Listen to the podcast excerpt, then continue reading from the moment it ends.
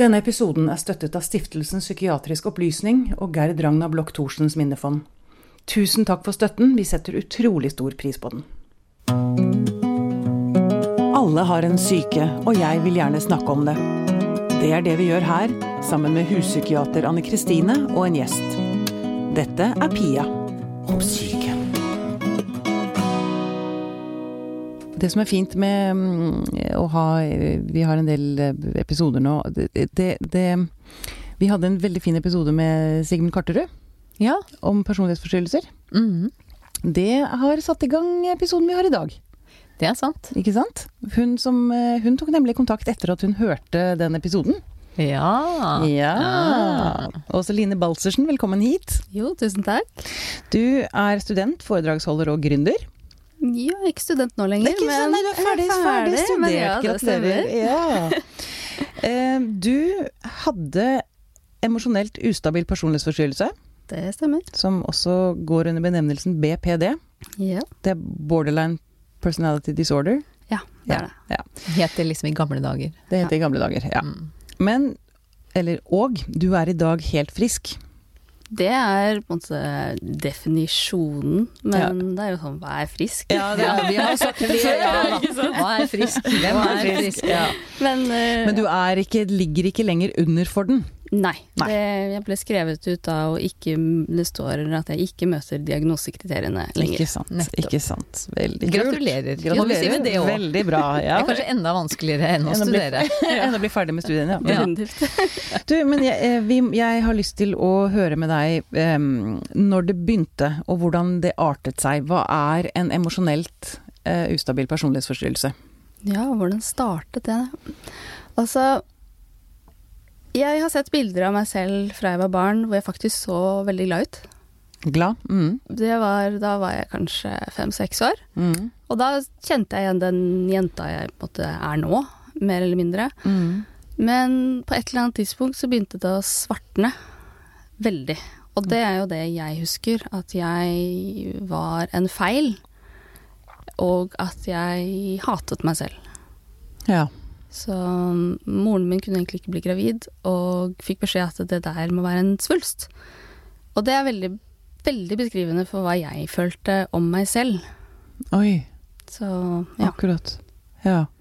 Men når du sier at det svartnet eller ja, for, for, altså, det kan jo også være en depresjon, liksom. Mm. Ja, men det er jo ikke det. Nei, Nei. men det, det er jo også på en måte så blir det litt feil å si, for det var jo ikke sånn hele tiden. Mm. For jeg kunne også være veldig høyt oppe, Mm. men det er også en type ikke-tilstedeværelse, det òg. Mm. Så jeg var på en måte aldri helt til stede i omgivelsene mine eller i meg selv, da, kan du si. Nei. Men øhm, øhm, hvordan øhm, si, arter det seg en personlighetsforstyrrelse? For jeg har jo en bipolar lidelse, og det er jo ganske tydelig, ikke sant? For du er enten høyt oppe Mm. eller langt nede, eller Mm. midt imellom. Så det er jo, mye av tiden min er jo, er jo helt, si, vanlig uten men, men den er ganske tydelig, den er ganske lett Mm. å forstå. Mm. En emosjonelt uh, ustabil personlighetsforstyrrelse er ikke så lett å få grep om. Nei, men det er jo egentlig så beskrev du nettopp også en emosjonelt ustabil personlighetsforstyrrelse. Oh, ja.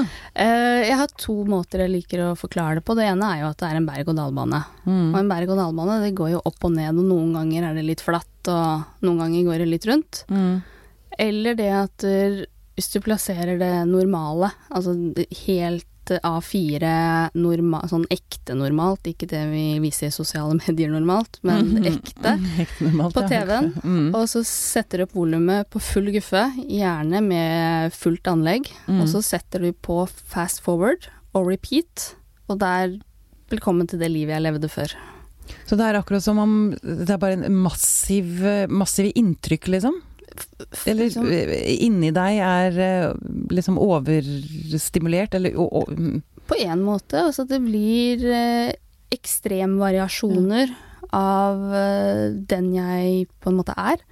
Ja. uten at jeg helt klare, klarte å holde det igjen. Jeg skjønte jo at det ikke var helt normalt, men det skjedde hele tiden allikevel, og i ulike situasjoner. ja. Og etter hvert som jeg ble eldre, så ble det bare tydeligere og tydeligere og tydeligere og sterkere og sterkere, og Mm. mer og mer ekstremt. Ja. Det blir rett og slett eh, Det du beskriver, er jo at det blir, det blir rett og slett vanskelig å regulere. Veldig. Vanskelig å regulere regu- egne følelser. Ja, å regulere seg selv. Altså Mm. både, som du sier, i humør, og, og også gjerne i intensiteten til andre mennesker. Mm. Mm. Altså at det, det blir så vanskelig å finne den der gylne middelveien. Mm. For det blir sånn enten så blir det sånn her 'jeg elsker deg', eller så blir det 'jeg hater deg'. Altså det, det Ja, blir så sterkt. akkurat, så blir det ekstreme uttrykk. Mm. Men um, hvordan eh, Omgivelsene dine, hva, hvordan så de det, liksom? Hva, hva, eh, Ja. Eller så de det? Eh, du må skille på omgivelsene mine. Du kan, hvis du deler det opp i tre grupper, da. Mm. Eh, Det ene var hjemmesituasjonen, Mm. og moren min var veldig syk. Og der var jeg mer i en type omsorgsrolle og var gulljenta som henta vann og klarte meg sjøl. Mm. Og jeg hadde to regler hjemme. Det ene var stå opp og dra på skolen og komme deg på svømmetrening. -hmm. Som da bringer over til det neste stedet jeg var. Og det er et sted hvor jeg var litt begge deler. Både den veldig flinke som trente, og jeg hadde best oppmøte på svømmingen. Jeg var på et eh, på måte greit nasjon nasjonalt nivå, da. Mm. men samtidig så kan man jo se veldig tydelig på bilder og sånn at jeg gjemte meg mer og mer unna, og jeg kunne innimellom være veldig mye, og innimellom mye mindre. Men i den konteksten der så var jeg ikke så ekstrem at man ble veldig Altså Du sleit ikke ut folk rundt deg. Nei, ikke så Nei. ille. Man, man, man skjønte jo at det noe skurra. Det gjorde man nok, men ikke i den grad. Ja, jeg ville sett at noe skurra, liksom. Ja, noen vet jeg gjorde det, Mm. andre ikke. Men på skolen, der kom utløpet for fullt. Oh, ja. Der var jeg et uh, lite monster. Et ja. mareritt, rett og slett. ja. På hvilken måte? Altså, jeg klarte jo ikke å konsentrere meg. Nei. Og skolen, de skyldte jo på at jeg drev med svømming. Eh, De mente at det var årsaken til Steinerskolen. Jeg vet ikke om det er grunnen, okay. men det var Ok. Det var i hvert fall det som var grunnen der, og der har jeg nå fått høre i ettertid at foreldre til noen av vennene mine har fått beskjed om å holde barna sine unna meg. Hmm. At det er ikke veldig smart. At de mente at det var ikke veldig smart at barna deres var sammen med deg? Ja. Dårlig påvirkning.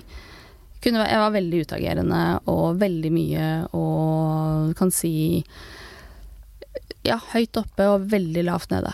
Ja. blir litt sånn Det du beskriver er jo et litt sånn, kan du si, dramatisk, litt voldsomt, litt Ja, eh, skremmende, litt sånn uforståelig. Mm. Og så er det jo gjerne sånn at det man ikke forstår seg på, Mm. det holder man seg unna. Det blir man redd Sånn, for. Det ja, ikke sant. At ja. for de andre foreldrene så tenker de at oi, liksom hjelp, hva Ja. Mm. Hvem er det? Ja. Ja. Jeg vet du, hold deg litt unna, du. Så, Som skyldes frykt. Ja, Ja. nettopp. Eh, Det kan jo hende at det er andre der ute som hører på nå. Mm.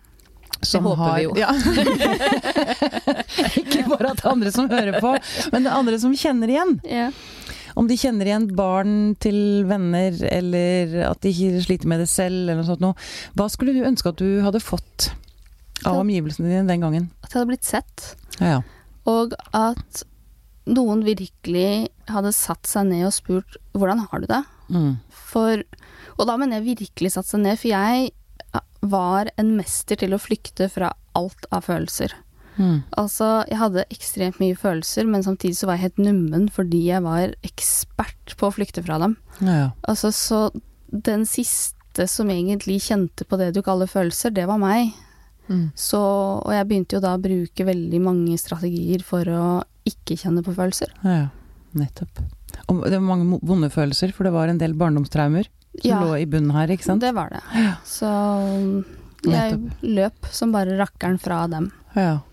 Men på et eller annet tidspunkt så ble du fanget opp, altså du fikk en diagnose til slutt. Ja, det var eh, altså Når jeg begynte Det begynner på en måte når moren min får en lungetransplantasjon og blir sånn sett på sykehus. Ja. Det er ikke mindre for meg å drive og passe på, ja. kan du si. Og så begynner jeg på BI og får, skal du si, begynner med at Altså, jeg fortsetter jo å gjøre som jeg alltid har gjort, og så blir jeg bare gradvis verre, verre og verre, og så får jeg veldig tydelige depressive symptomer for angst. Mm. Uh, begynner å svette, og det her Til slutt så finner jeg meg selv på, på doen på BI i fosterstilling, hvor jeg nispiser som en, på en Stratos som jeg skulle vært en kanin, og da skjønner jeg at noe er jo gærent. Mm.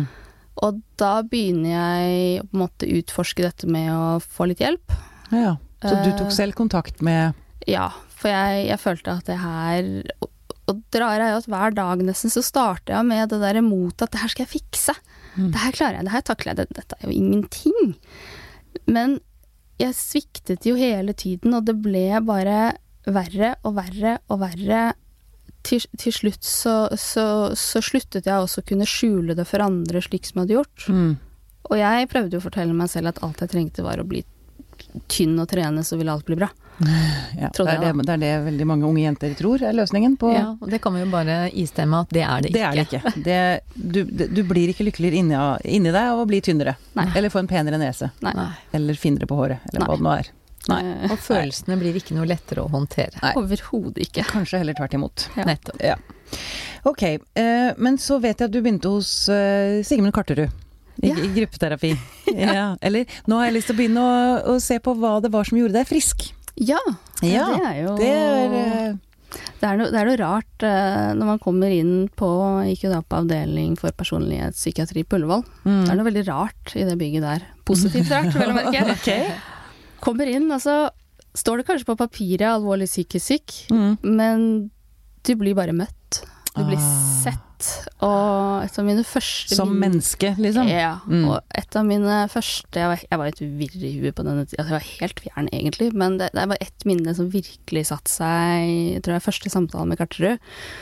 Og eh, det ene minnet er mer følelsesmessig at dæven, jeg er verdt noe. Og det andre er den derre håpet han ga meg ved at Altså ja da, jeg gikk på medisiner, men, men det var akkurat som de, de, Det var ikke sånn at de her skal vi kutte ut nå i dag, men i måten han beskrev at over tid så ville ikke disse være nødvendige lenger, så var det Mm. også et håp Ja. for meg å vite at dæven, kan jeg bli bra fra de greiene her? Så Mm. plutselig. Og dette hadde du da slitt med i 10-15 Ja, og det hadde jo bare vært et jeg, jeg hadde jo ikke skjønt hva som foregikk, fordi jeg la det på meg som at det var meg det var noe Jeg var lat som ikke klarte å regulere dette selv, som ikke Mm. klarte å ta meg For sammen. meg. Det var meg det var noe gærent med, da. Ja. Og det har jeg bare lyst til å si at det, det tror jeg er så mange, mange kjenner seg igjen i. Mm. Jeg hadde en veldig flink eldre kollega, han lever dessverre ikke lenger, men han, han sa det at eh, hvis du spør unge jenter med emosjonelt ustabil personlighetsforstyrrelse om de er slemme og dumme og stygge, så vil de si ja til Mm. alle tre. Mm. For det er sånn det føles. Ja. Og som du beskrev i stad, det der å føle seg feil, Mm.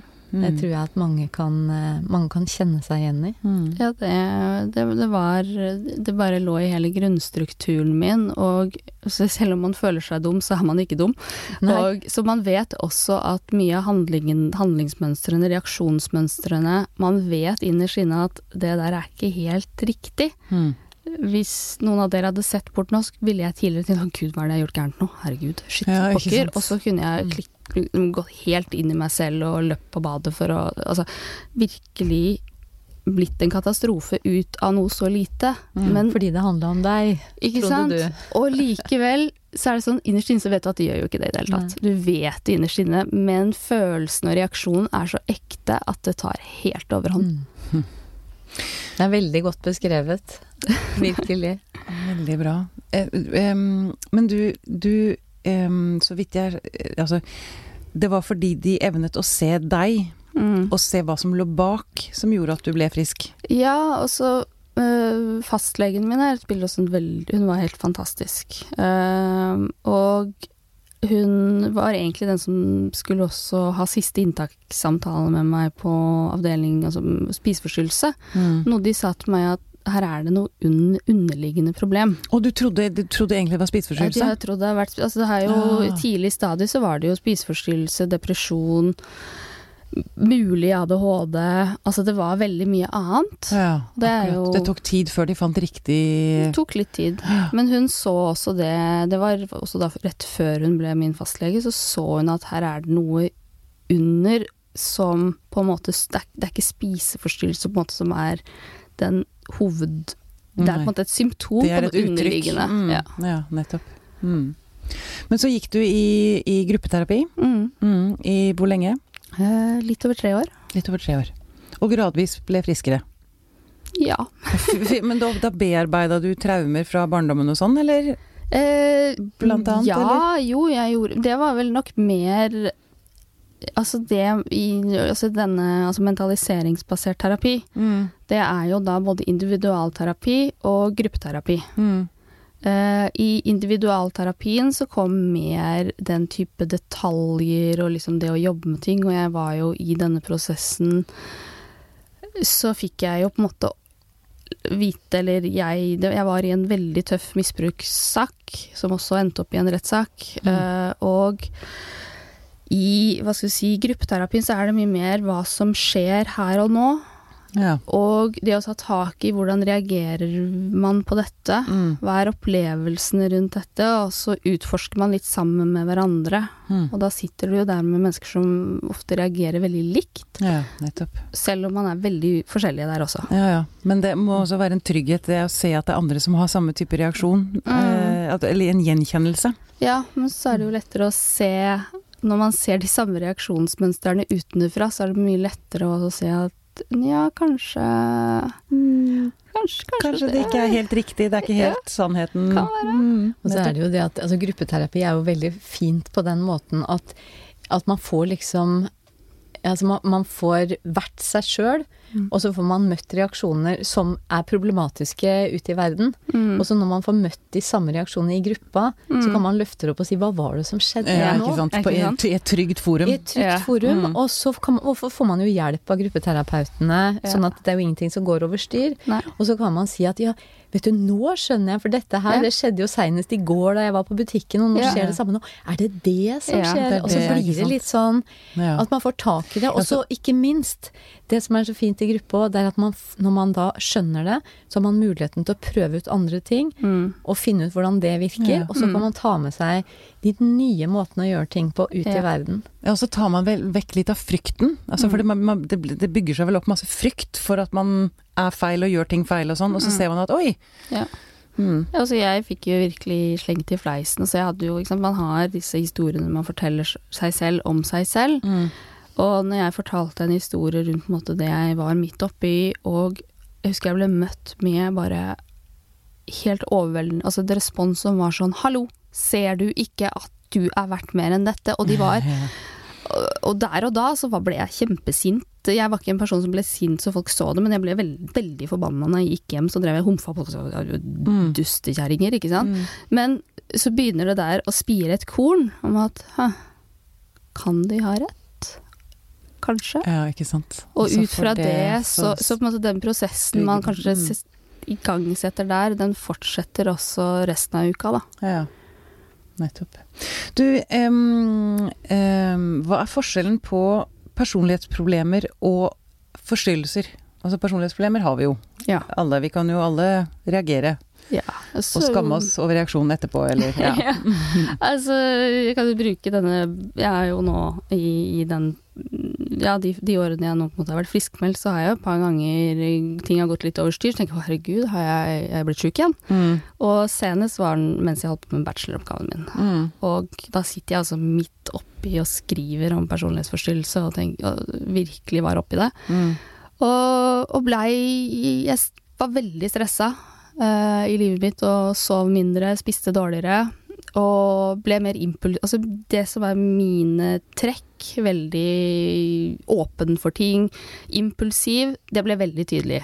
Ja. Så da jeg tok kontakt med dere, så var det en impulsiv handling hvor jeg etterpå tenkte å herregud, hva har jeg gjort nå?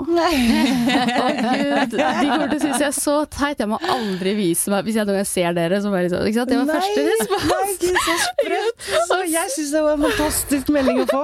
Ikke, sant? ikke sant? Og der har du den. Så der hadde jeg det kan si en Ah. mentaliseringssvikt. Og det, hvis man, hvis man er litt ærlig med seg selv og man kanskje ikke har sovet eller Å, men det der kjenner jeg igjen. At man kan tenke 'å nei, nå Men alle får det. mentaliseringssvikt under stress. Ja. ja. For det er jo det som er hele saken. Eller man trenger ikke å få det under stress engang. Jeg tror jeg kan ha det ellers òg, jeg. Veldig, Ja da. At jeg blåser opp sånn derre 'å nei, nå syns han at jeg var skikkelig teit'. Ja. Og så skjønner jeg etter det at nei, ikke i det hele tatt. Hadde ikke Nei. tenkt. Altså, Men, eh, og, det er en, og i denne fasen så er det nok perioder hvor jeg potensielt har på en måte kanskje vært litt mye. Mm. Men selv, det er en lang vei fra det over til å svelge en pilleboks, dra ut og altså bare vikle meg inn i hendelser som måte, er traumatiske, Mm. som en konsekvens av den der lille 'å, shit, dreit jeg meg ut'. Mm. Du behøver den- ikke å skamme deg så veldig mye. Nei, Ikke ikke, sant? Og, eh, og eh, så på en måte det Så den, den, den eh, de, Jeg klarer å regulere det mye bedre. Jeg klarer å tenke at ok, jeg føler at nå har jeg dummet meg ut, men Mm. det betyr ikke at det er noe jeg har.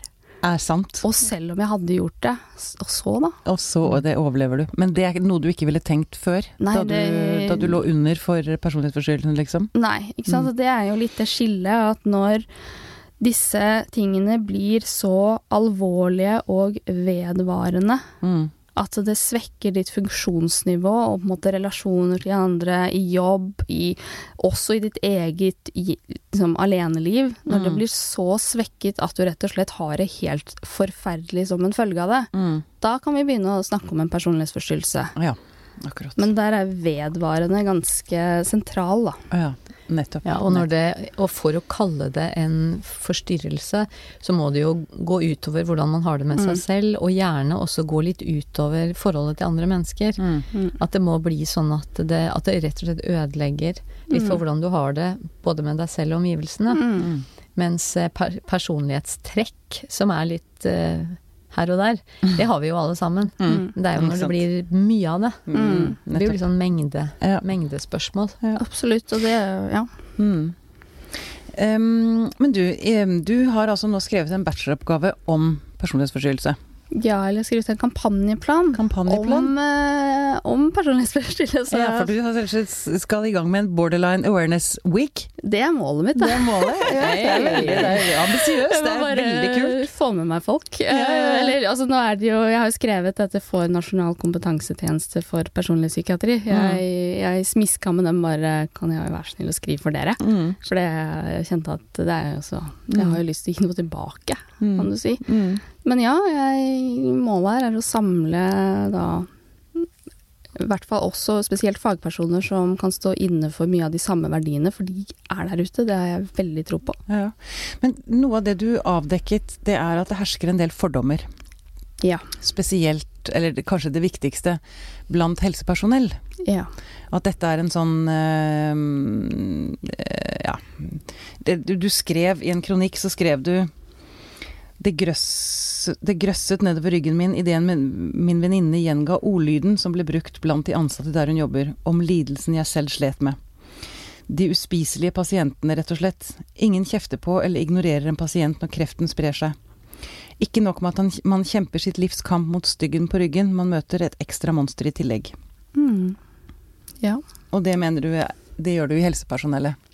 Ikke alle, Nei, men eh, altså jeg, Som tittelen på den kronikken også, altså Jeg føler jeg vant psykiatriens lotto. mm, Jeg føler meg veldig alene i min erfaring. Jeg også har møtt fordommer og stigmatisering innen psykisk helsevern, men det preller litt av når de primære kontaktene var så stabile og ikke behandlet meg som syk, selv om jeg var det, på en måte. mm, Ja. mm. Og, Men- ja. Men disse fordommene, hva består de i? Også det vi på en måte har avdekket, det vi har sett nærmere på, og det blir litt sånn teknisk faguttrykk, men også dette som kalles uh, mental health literacy. Altså på en måte det går jo på en måte vår kunnskap i å gjenkjenne og uh, også kunne på en måte behandle en diagnose. Og det gjelder både for uh, privatpersoner og også fagpersoner. Altså i hvilken grad gjenkjenner du dette som en lidelse? Mm. Og det er det da ikke alle som gjør, faktisk. Det er, eh, det er en litt en Mm. lidelse. Det er altså, knyttet mye mm, Ja, her tror jeg du kan med Ja, men det, det, Ja, det, jeg vet jo manipulasjon, Men jeg vil gjerne kommentere Ja. litt på det, fordi Ja. at du har så veldig rett. Og jeg har jo da i mange år si, hatt en del sånn undervisning eh, for å få bukt med de fordommene. Mm. Fordi at det eksisterer veldig mye fordommer mot emosjonelt ustabil personlighetsforstyrrelse. Mm. Eh, og de fordommene handler om at man, man tror faktisk at dette er noe folk gjør med vilje. Ja, Eh, man tror at det er manipulasjon. Man tror at det er eh, for å få oppmerksomhet. Mm. Og det er eh, det som Og det der du har fortalt nå, sant, om det der å evne å mentalisere. Folk har ikke noe forhold til det begrepet. Så først må du forklare folk Mm. om tilknytning, om mentalisering, om regulering. Og så må du fortelle at hvis du opplever mange traumer i barndommen eller vonde ting, så glipper det litt Ja. på utviklingen av disse tingene fra starten av. Ja. Og da har du egentlig et mye smalere repertoar Ja. enn folk flest.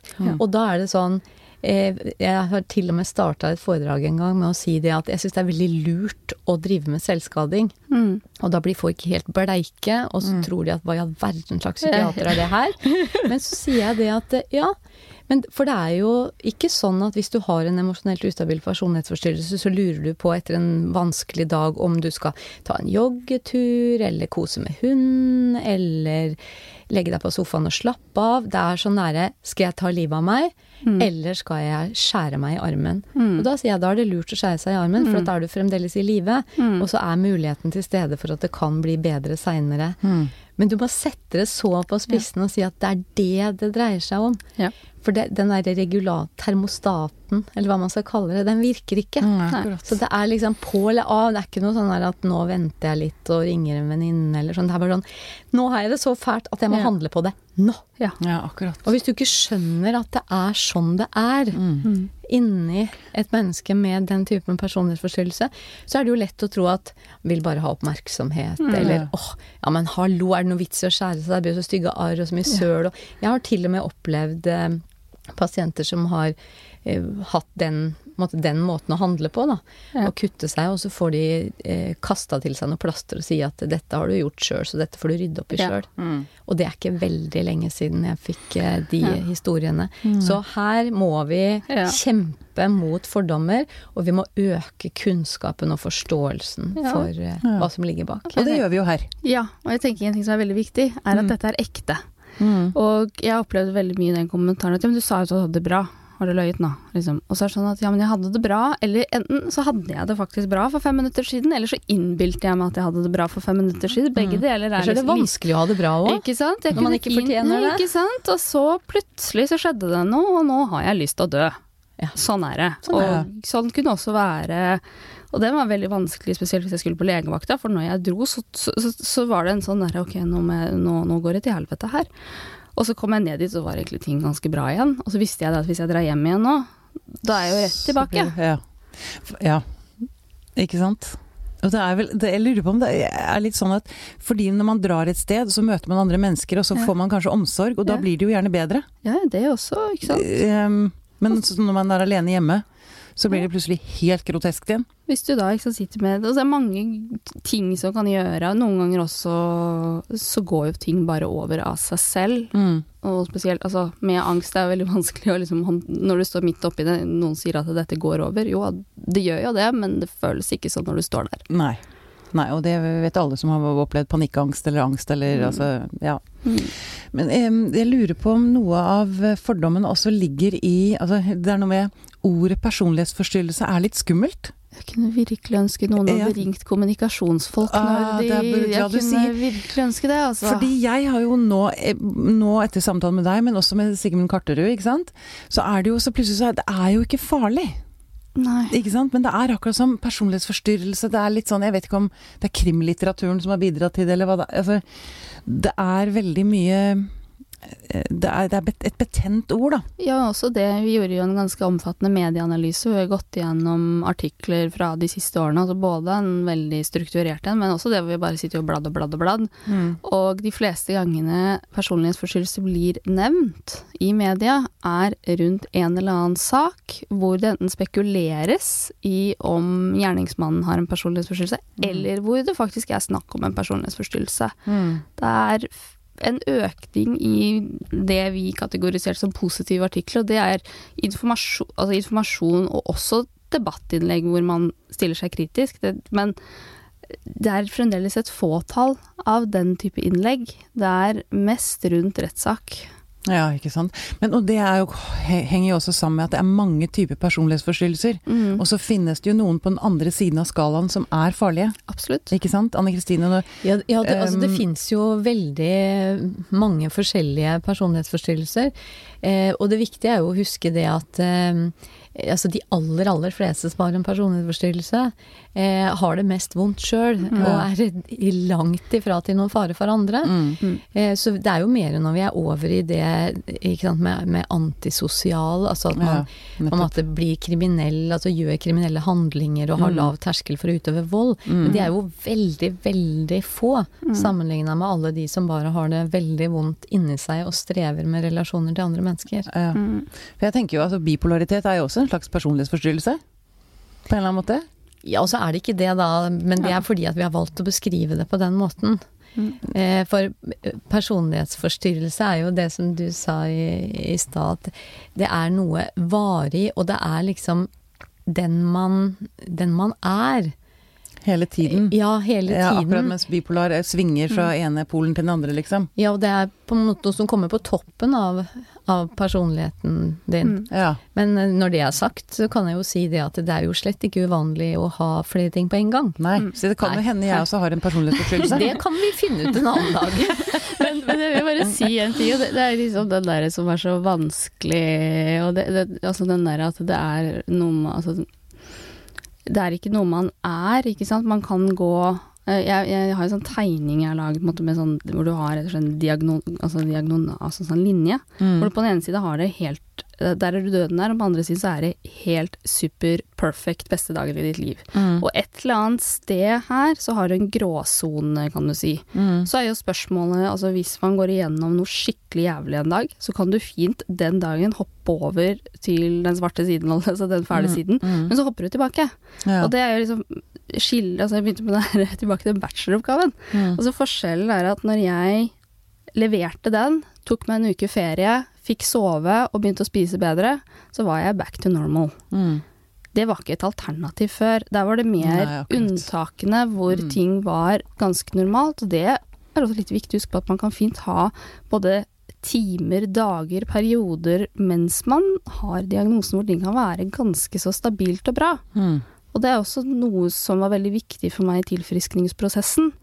Å gjenkjenne når en sånn periode begynte å gå stokk over stein tilbake til at ting ble fælt. Mm. Og jo tidligere jeg gjenkjente det og fikk, virkelig tok tak i det og fikk hjelp, jo kortere ble de veldig negative periodene, da. Ja, nettopp. Så man Du- beveger seg. Ja. Hva, absolutt. hva skulle du ønske at uh, den diagnosen ble kalt? Har du tenkt på det? Jeg er jo litt tilhenger av det Karterud snakker om med personlighet, altså mer sånn kanskje veldig sterke personlighetsproblemer, eller jeg syns at man skal virkelig ha en uh, liten debatt på det. der. Men inntil den blir endret, så tenker jeg at der, symptomtrekkene er de samme, og noe som er noe vi også fant i studiet Altså det er vanskelig å forholde seg til noen som har disse symptomene, fordi jeg tror i hvert fall at det er også at du kjenner deg veldig igjen.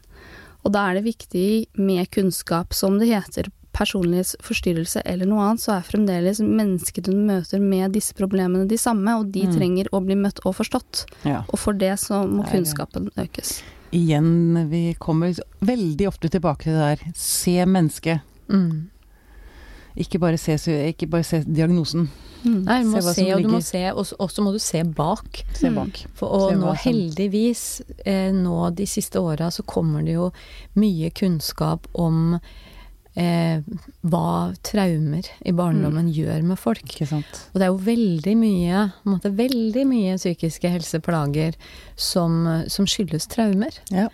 Eh, av forskjellig art. Mm. Og da, da, blir det jo litt sånn lettere å forstå det. Mm. Så vi må bare ja. jobbe for å fremme den kunnskapen. Og jeg tenker jo også at ved å forstå det, eller ved å vite det, så kan man også mye bedre behandle det. Altså, mm. møte, løse, det. møte det og se de traumene og løse opp i det.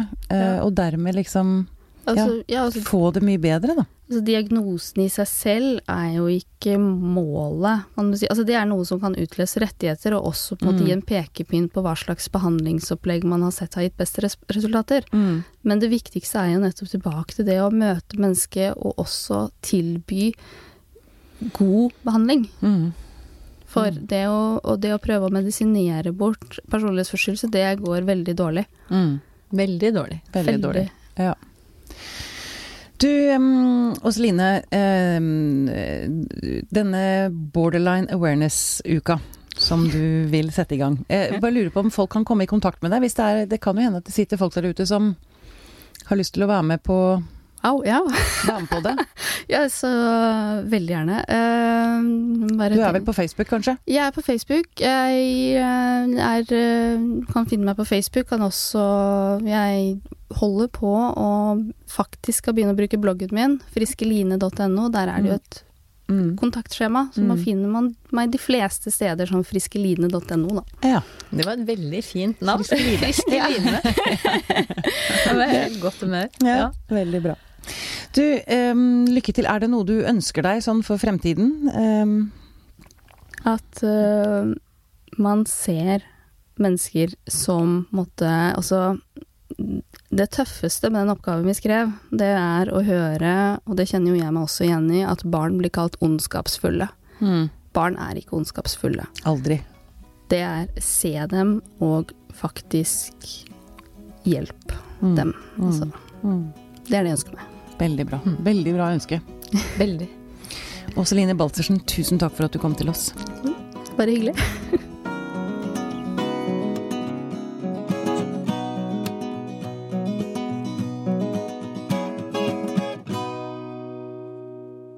Denne podkasten er produsert av Tid og Lyst.